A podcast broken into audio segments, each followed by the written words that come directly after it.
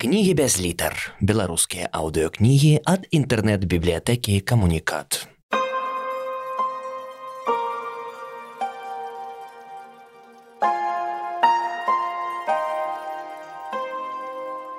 Андрей Федоренко «Дикий лух», раздел девятый.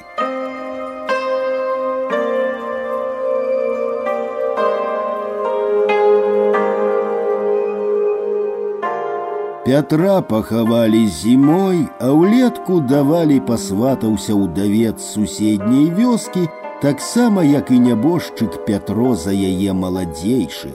Нармальны чалавек не піў, не курыў, меў бензапілу і сына гадамі такога, як любка. Валя пайшла за яго. Ён прадаў сваю хату, перабраўся да яе, і яны пачалі жыць як так і трэба.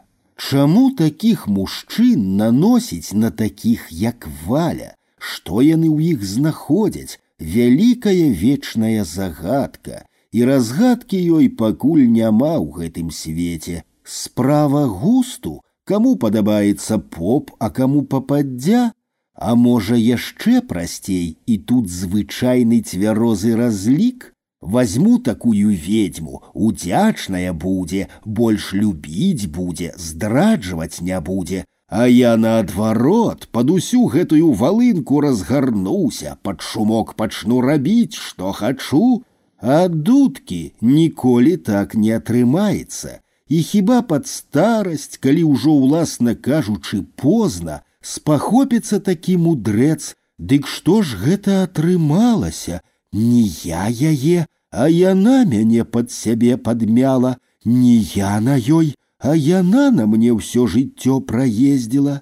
У канцы лагоднага ціхага жніўня, калі ляталі сярэбраныя ніці з чорнымі павучкамі на іх, каліна гнулася ад цяжкіх гронак, а под вокнамі ўздоўж сцяны кіпелі ў самай кветені геаргіны, вяргіні, мальвы, и выкидывали свои высокие стрелки, школьные кветки, гладыёлусы, увечары махновачка збірала сына ў першы клас.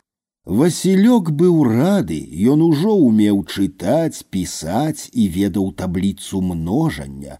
Махновачка нават нагледзела і падвязала нітачкамі лепшыя кветкі, каб зрэзаць іх заўтра свежымі ў букет. На канапе ляжалі костюмчик, кашулька, стаялі сандалі, усё новенькае. Кулініч спецыяльна вазіў сына ў горад на прымерку. На столе подручники, сшиточки и ранец.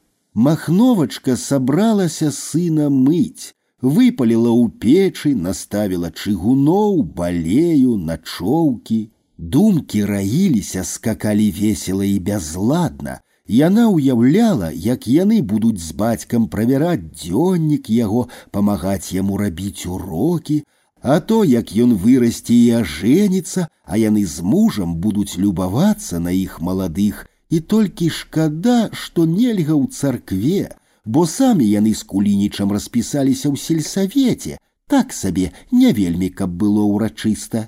Яна наставіла чыгуноў, сын быў ужо голенькі, неяк адступіўся і сеў кіпецень.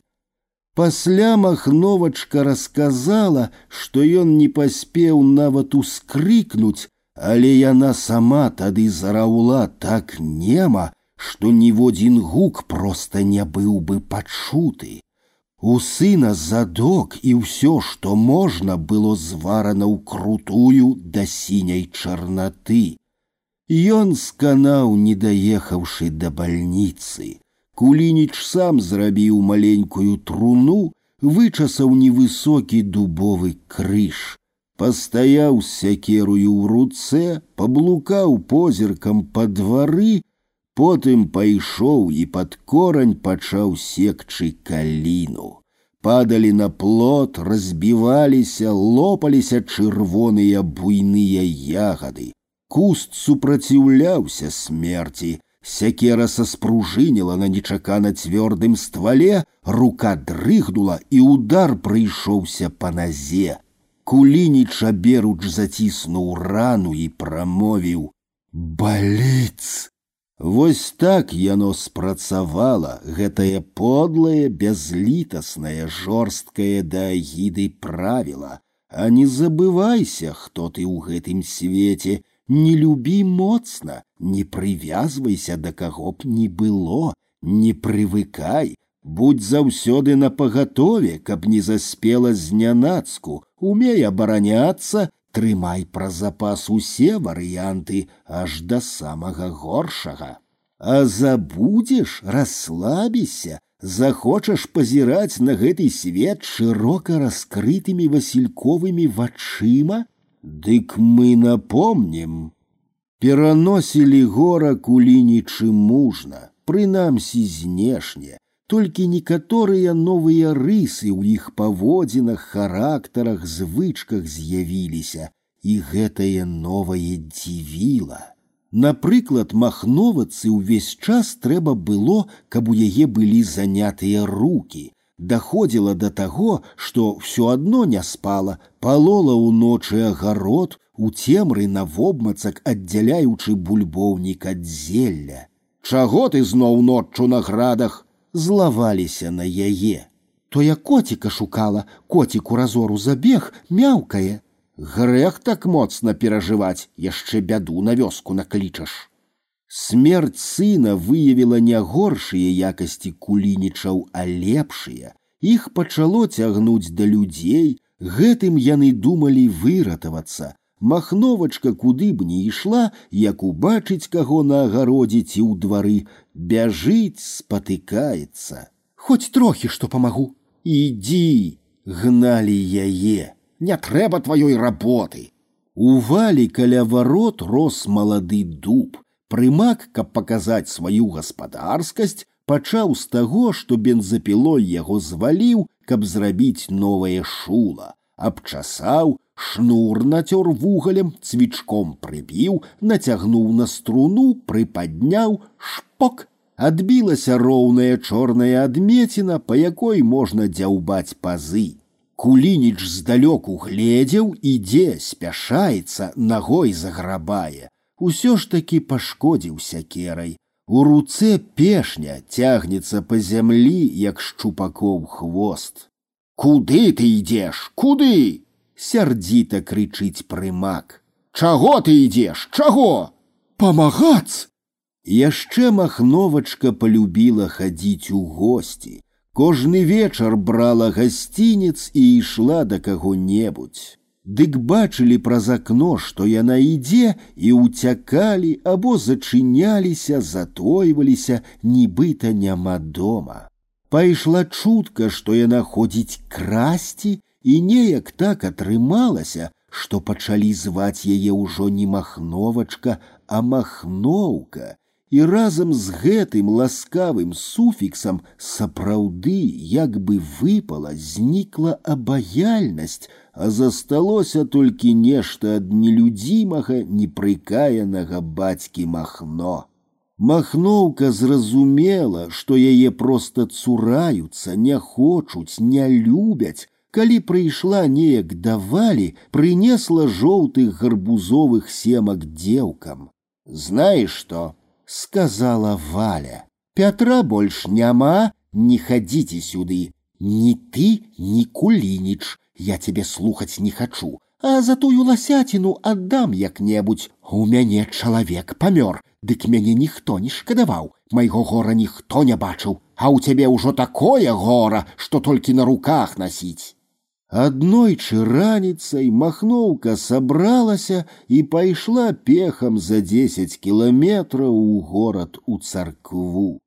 Што там было, што яна ў каго прасіла, невядома, але вярнулася яна і праўда змененая, як бы аддаленая ад людзей. Да яе душы цяпер дабрацца стала немагчыма ёй скажаш дождж ідзе, яна ў адказ хай ідзе, а вочы застылыя, нерухомыя. Селяцы ў магазин прывезлі, хай вязуць. Сюзана Грышава девочку нарадзіла, хай нараджае.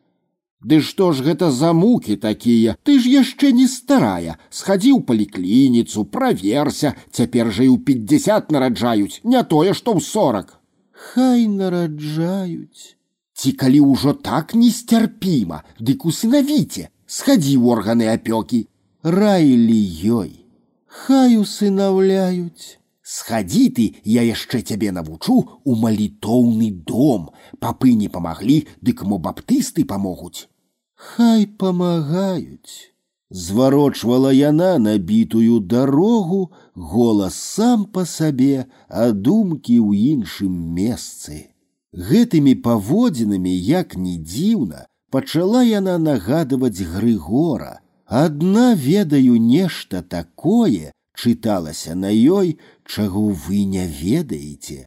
Толькі ў Грыгора было гэта з выклікам, з гаганькамі, а ў яе з нейкім нядобрым самазаглыбленнем.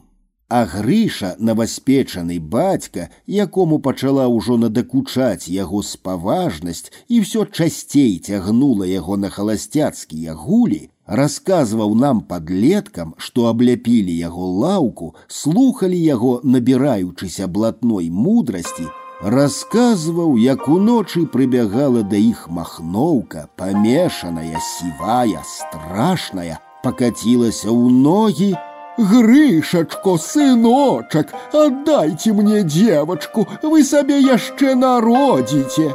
Мы рагочам.